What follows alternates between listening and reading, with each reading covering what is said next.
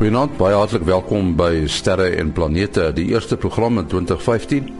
Ons het vir professor Mati Hofman van die Universiteit van die Vrystaat, vir Willie Koorts van die SAAO en uh, soos uh, elke eerste Sondag in die maand ook vir Dr. Japie van Sail van die Jet Propulsion Laboratory in Pasadena, Kalifornië. Kobus Olkers gaan ook uh, nuus oor die son se gedrag gee. Maar voordat eers ruimte nuus wat uh, verskaf is deur Herman Turin in Bloemfontein. Die aarde kry vroeg in die nuwe jaar besoek van 'n nuwe komeet. Die komeet 2014 Q2 sal op 7 Januarie op sy sigbaarste aan die aarde wees. Dit trek egter in 'n noord-suidlyn sodat bewoners van die suidelike halfrond grootliks gesnoep word. Die komeet was baie dof toe dit ontdek is, maar het sedertdien baie helderder geword en sal na verwagting die helderheid van 4,6 bereik wanneer dit op sy sigbaarste is. Dit sal dan tussen die beelde van Eridanus en Taurus onderweg wees. Op donker plekke behoort die komeet met die blote oog sigbaar te wees.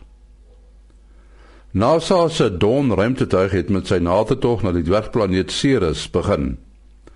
Dawn het voorheen ook 14 maande lank om die protoplaneet Vesta gewentel en waardevolle inligting is bekom. Bittermin is oor Ceres bekend en al wat NASA met sekerheid weet is dat Dawn se ondersoek verrassings gaan inhou. Daar bestaan selfs die moontlikheid dat Ceres 'n meer onder sy ysige oppervlak kan hê. Ceres is so groot soos die Amerikaanse deelstaat Texas. Dawn sal vermoedelik op 6 Maart in 'n wentelbaan om Ceres gaan. Tot sover ruimte nuus wat geskryf is deur Herman Turin in Bloemfontein. Ja, dis die eerste keer hierdie jaar, die nuwe jaar 2015 dat ons met Kobus Olkers praat. Uh Kobus Olkers, die is natuurlik in Amerika en uh vanaand praat hy met ons uit Vermont. Dit is uh waar die sneeu diep lê, as ek reg uh, Kobus. Uh goeienaand Henny en goeienaand luisteraars. Ja, nee, die sneeu lê daarom nie te diep op die oomblik nie, maar is redelik koel. Cool. Dit is so -8 -9 op die oomblik. Ehm um, heeltemal genoeg om om te keer dat 'n mens uh, nie jou neus by die by die venster uitsteek nie. En wat gaan die son maak? Son is baie besig op die oomblik. Ehm um, verbasend besig vir hierdie fase van sy lewe. Uh of van die seisoen kan 'n mens maar sê. Uh ons het uh 'n paar aktiewe areas wat wat wat vir ons al 'n bietjie pret gegee die afgelope week. Ons het 'n uh, uh redelike klas van magnetiese storm gehad so vir so vir 'n hele paar dae verlede week. En ons uh, langafstand uh, radiogebruikers het natuurlik dit seker agtergekom. Maar ons het dit verlede week terwyl vir hulle voorspel. Ehm um, hierdie week het ons een area wat lyk asof hy kan kompleksiteit ontwikkel. Hy is nou min of meer geo-effektief so as hy uitbars enige oomblik kan ons kan ons 'n uh, 'n bietjie van 'n ekstra agtergrond verwag. Met ander woorde ons GPS se kan kan dit 'n bietjie voel en ons uh uh internet kan dit waarskynlik ook voel. Dan is daar verder uh 'n goeie aanduiding dat die son nou besig is om in sy in sy minimum in te gaan. Ons het 'n massiewe groot korona gat op die suidpool van die son.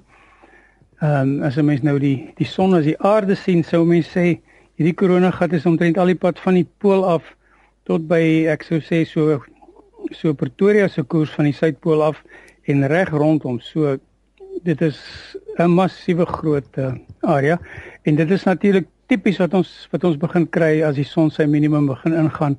Is hierdie groot koronagate by die noord en suidpool. En wat hierdie week natuurlik nou ook die die uh, dinge interessant maak is dat daar 'n redelike groter geen by die noordpool is. En ek dink ons kan dalk hulle so groot dat hulle selfs die die aarde kan beïnvloed uh, met hulle hoëspoedstrome.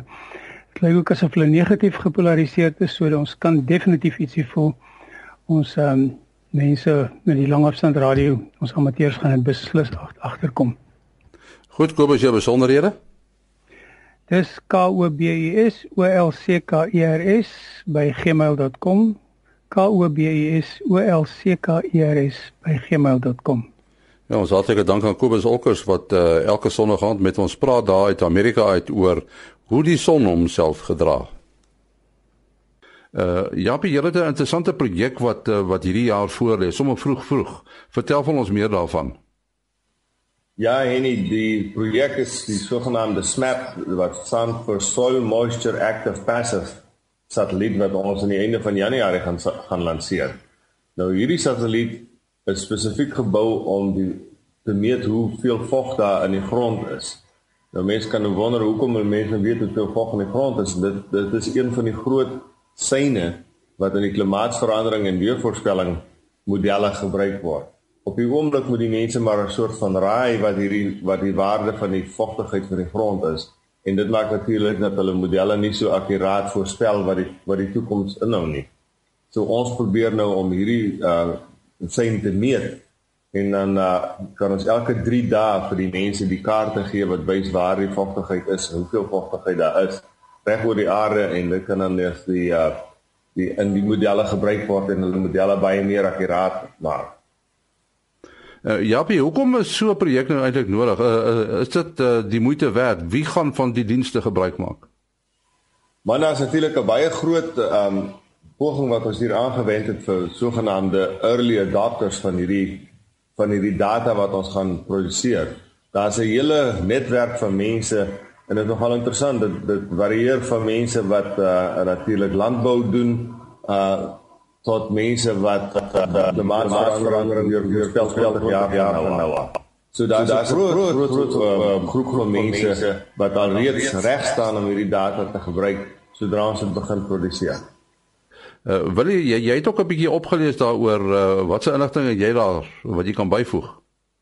Ja, ja, een van die goed uh, die ingenieurswese sal my natuurlik nou interesseer en ek sien die antenna as hy opgevou is is hy so groot soos 'n kamphuiskassie en dan moet hy nou 'n 6 meter lange uh, uh, span hê op die einde. Dit dit is uh, en ek sien dit is die grootste antenna wat ooit in die ruimte al ontplooi sal word. So dit is natuurlik 'n ingenieursuitdaging. Ek neem aan uh, julle hou 'n bietjie asem op en hoop alles gaan reg as hy uiteindelik ontplooi, né? Nee? Uh, ja nee, kyk, dit is dit was uh, een van die groot ehm um, uh, dinge wat ons te tegnologie wat ons hier moes ontwikkel het. So uh, ons kan nie 'n 6 meter groot antenna reeds wat oopgevou is lanseer nie. En het, en die ding moet natuurlik so lig as moontlik gemaak word. So hierdie antenna uh vou op soos jy gesê het is, hy is ongeveer 30 cm as ek reg onthou in deursnit en so ongeveer um, 60 cm so hoog. Die uh, uh lank sal ek maar sê as 'n mens is so 'n soort van 'n surf uh, so 'n uh, bol stokke sal ek sal ek maar sê wat jy wat jy um opvou. En dan wanneer ons in die ruimte kom word hierdie ding nou stadig maar seker oopgestoot totdat hy 2 meter groot is uit 'n um, uit 'n gouddraad as um, so amper soos 'n gasdraad wat dan die antenne se oppervlakte uh, vorm.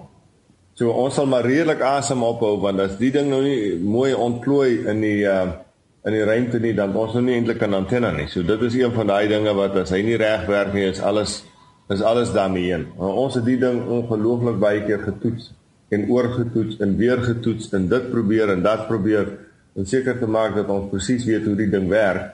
Maar dan kan natuurlik altyd iets verkeerd gaan op die laaste oomblik wanneer mense in die ruimte is. So dit sal vir ons 'n redelike uh senuagtige oomblikke wees as ons die ding begin ontplooi daar. Ja, ek dink as jy 'n karretjie op Mars kan neersit, dan kan jy 'n antenne ontplooi, ek is seker daarvan.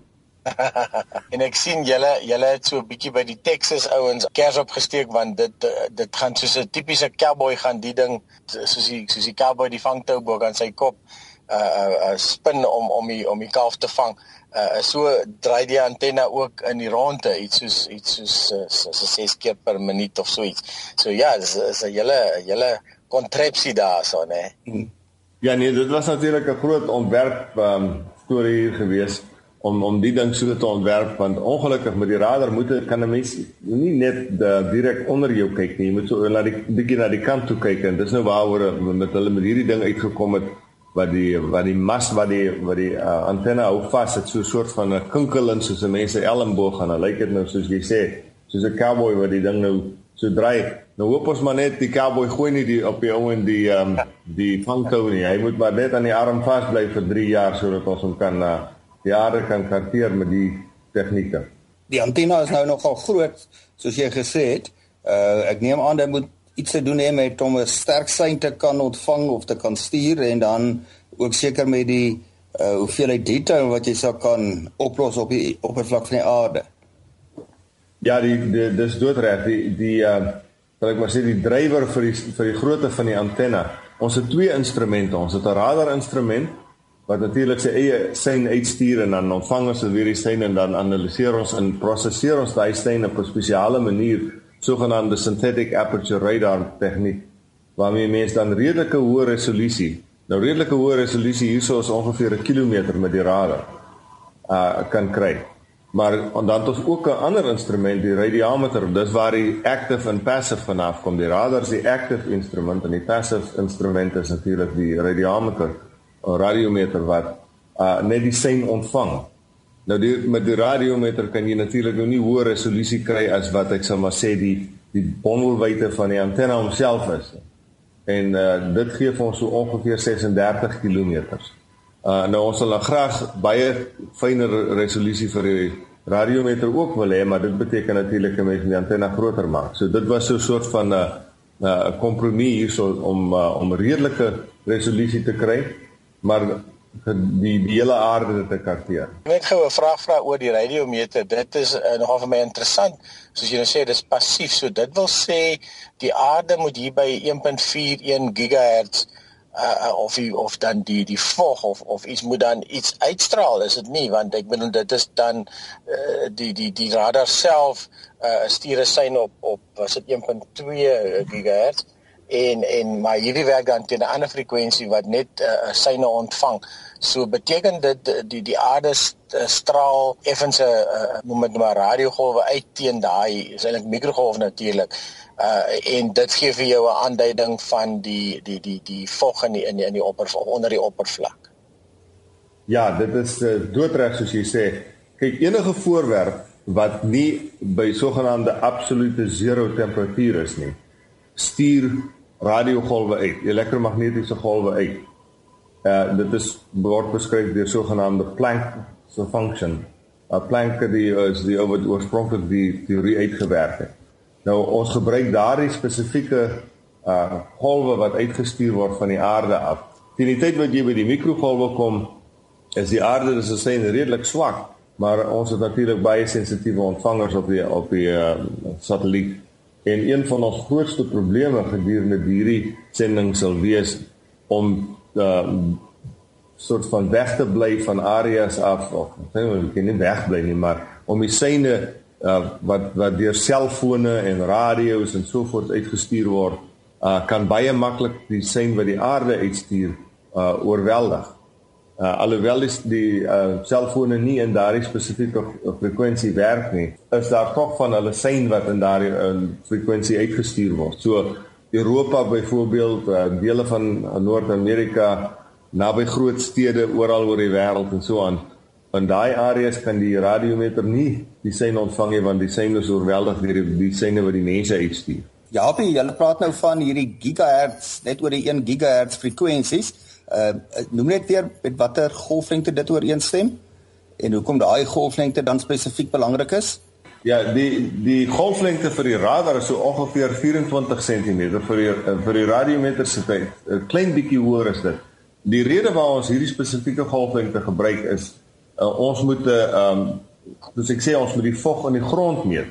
Nou baie plekke op die aarde is daar natuurlik nou plante groei bo kan die grond En hierdie syne uh, hierdie laer frekwensies uh laat ons dan uh, die toe om deur hierdie plante groei te kan sien hoe wat die uh, vogtigheid in die grond is.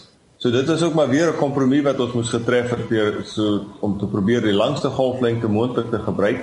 Maar hoe langer die golflengte raak, hoe groter moet die antennes word as 'n mens die dieselfde uh resolusie op die aarde wil hê. So ons het die 24 cm golflengte gekies Nou waarom 24 cm? Daar is sekere uh, golflengte, die frekwensies wat deur die uh, internasionale gemeenskap um uh, op sy gesit is waarmee mense kan radars en radiometers en so aan doen. En dis nou een van hierdie golflengtes wat ons gebruik het om om hierdie stelsel te bou. Die die die satelliet self uh, is hy in 'n poolbaan gaan hy wees of of uh, is dit nou 'n ander soort baan? Ja, nee, hy moet in 'n poolbaan wees want kyk ons wil uh so ver as moontlik noord en suid ook meet want een van die uh van die doel doelwitte van hierdie um um sending is ook om te meet wanneer in die naby die pole die die um sal ek maar sê die aarde ontvries aan die einde van die uh aan die einde van die winters. So om daardie spesifieke datums vas te stel, um nou die rede waarom ons daarin geïnteresseerd is is as uh, daar werklik uh, sogenaamde global warming besig is om plaas te vind, dan uh, sal die groei seisoene met die tyd langer en langer en langer word. Met ander woorde, die winters raak al en al hoe korter. So as ons nou kan presies bepaal watter dae uh watter tyd van die jaar die aarde sal ek maar sê ontdooi na die einde van die winter by naby die pole, dan kan ons uh presies vasstel hoe lank die groei seisoene is. So ons gaan uh, definitief in 'n in 'n poolbaan wees. Hoe bespreek jy vir jouself parkeerplek daarbo? Dit is natuurlik 'n groot storie. Daar's 'n internasionale ehm um, uh liggaam wat uh, die die uh, satellietbane en so aan beheer en die mense moet nou daarbey gaan toestemming vra natuurlik ook vir die frekwensies wat jy wil gebruik en al so aan. Maar dit dit doen NASA nou gelukkig vir ons so uh, ons is uh, afgesien NASA nou een van die groot ruimteagentskappe is uh, word ons dan gewoonlik redelik uh, goed uh, behandel by by die internasionale liggaam wat die wat die sal ek maar sê die parkeerplekke uitdeel daar word. Ja, so so van die baan gepraat. Ek ek sien dit is 'n sogenaamde sun-synchronous baan. So dit wil sê die uh, ons het laasweek uh, toevallig gepraat oor oor wentelbane van spinasie satelliete wat baie maal dieselfde ding gebruik sodat elke keer as die satelliet oorkom, dan sit die son op op dieselfde hoek sodat die skaduwes dieselfde lyk.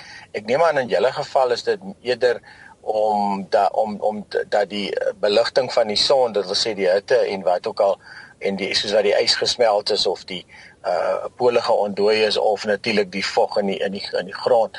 Uh is dit ook seker belangrik om om 'n sogenaamde sun-synchronous baan te gebruik.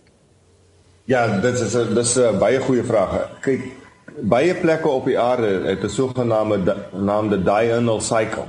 Uh mense is natuurlik uh, meeste mense is is nie meer vertroud alhoewel jy nie so mag, mag dink nie.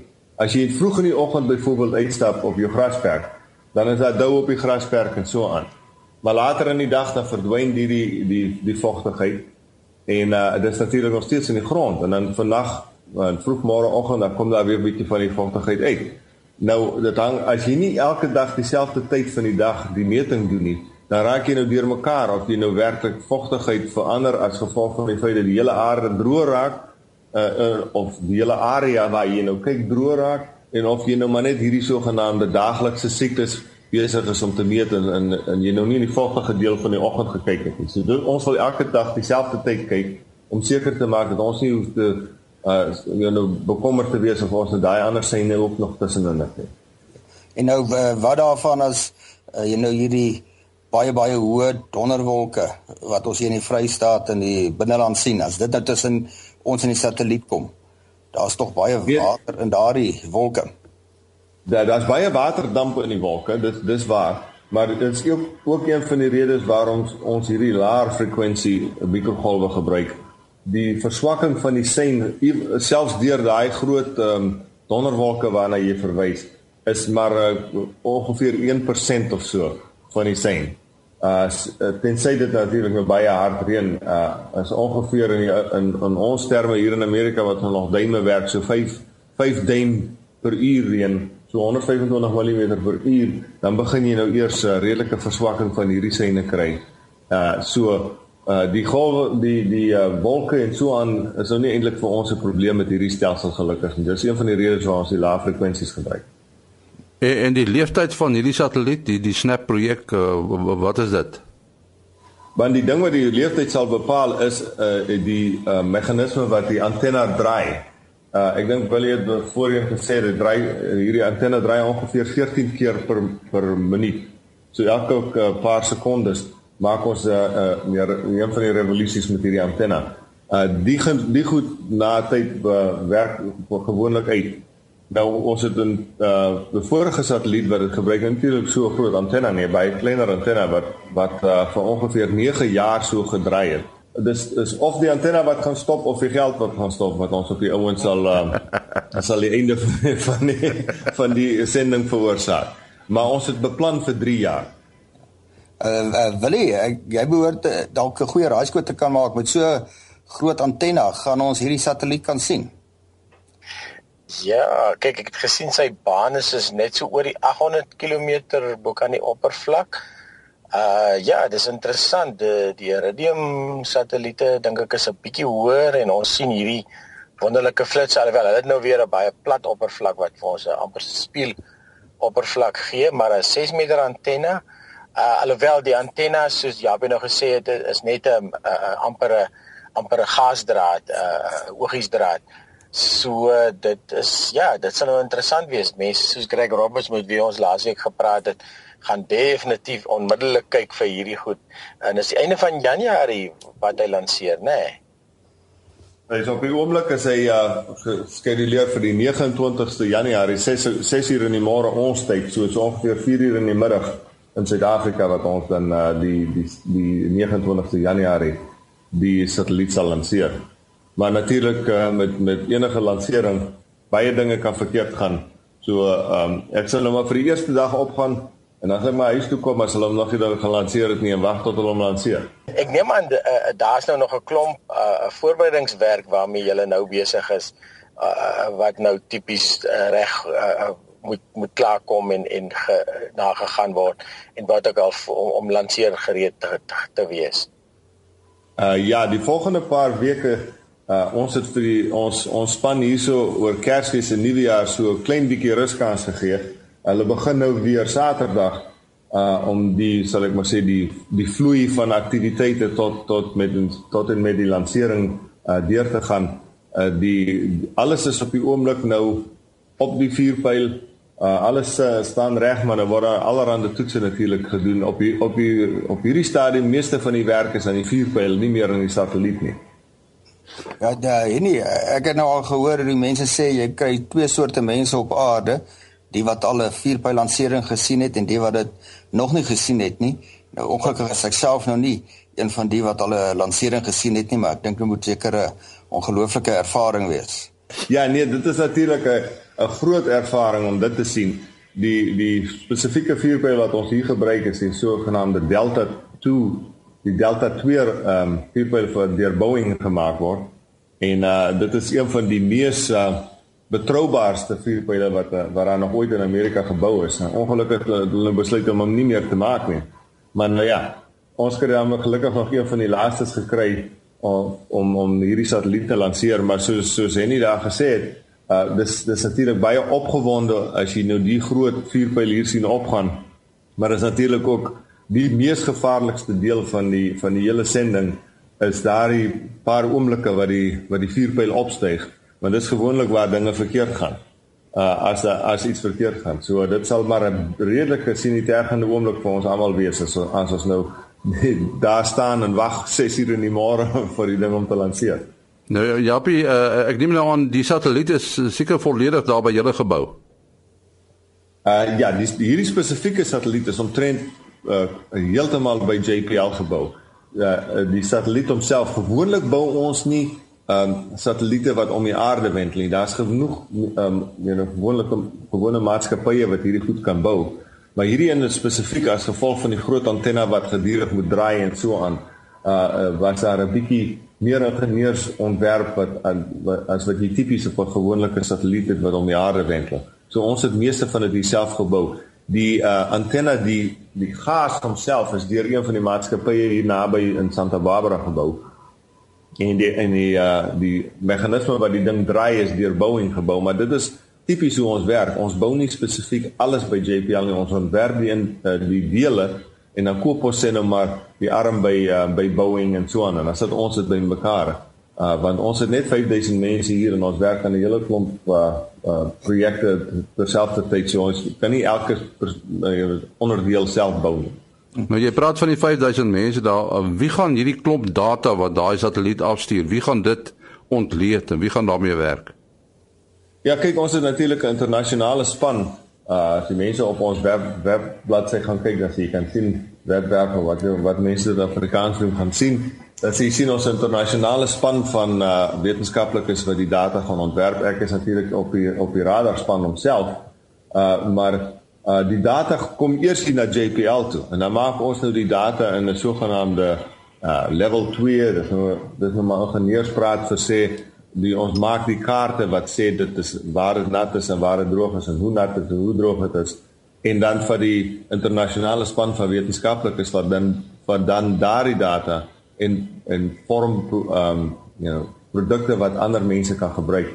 Uh, ouens wat na die droogte kyk vir die vir die um landbou en so aan en mense wat kyk by klimaatsverandering en so aan kry kan dan die data kom by, by JPL aflaai om hulle uh, modelle en so aan te, te ran met die goed. Gaan daar so kontrole grondstasies wees wat nou dieselfde tipe meting op 'n bepaalde kom ons sê nou 'n vierkant wat jy nou uit die ruimte uitmeet sodat jy kan vergelyk en uh die vertroue wat 'n mens kan hê in die data is baie gevra, maar dit klink alles uh, uh, uh, dit dit vertrou boese vertroue in soos jy dit verduidelik, maar dit bly nogal moeilik om te dink dat jy sulke besonderse metings uit die ruimte uit kan doen en uh uh akkuraatheid van data en om jouself te oortuig daarvan is altyd 'n belangrike aspek van uh, wetenskaplike metings.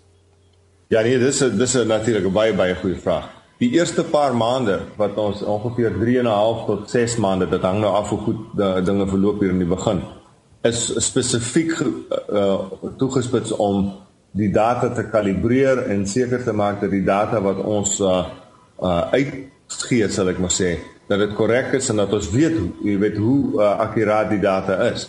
So ons het reg oor die wêreld dat ons uh, mense wat ons gaan help om die soort van uh, gronddata te meet, so sogenaamde ground truth, soos hulle in in Engels sê.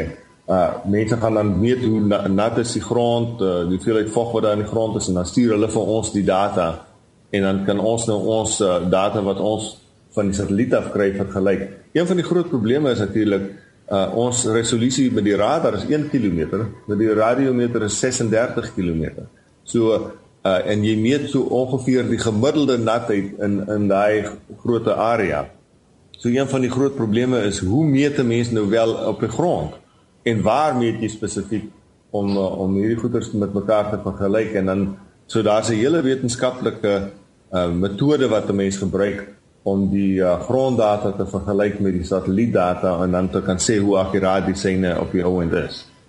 Maar ja, ongelukkig moet ons halt roep daar uh, Japie as iemand met jou in verbinding wil tree. My uh, e-posadres is japiejpl@gmail.com. japiejpl@gmail.com. Uh Mati? Selfoonnommer 0836257154. 0836257154 en die luisteraars kan natuurlik ook uh, kom deelneem aan die besprekings op ons uh, ster en planete uh, Facebook groep. Dan sê die uitnodiging en dan wil hy. Uh, 072 4579208 en my kontakbesonderhede maas.henny@gmail.com maas.henny@gmail.com tot volgende keer mooi loop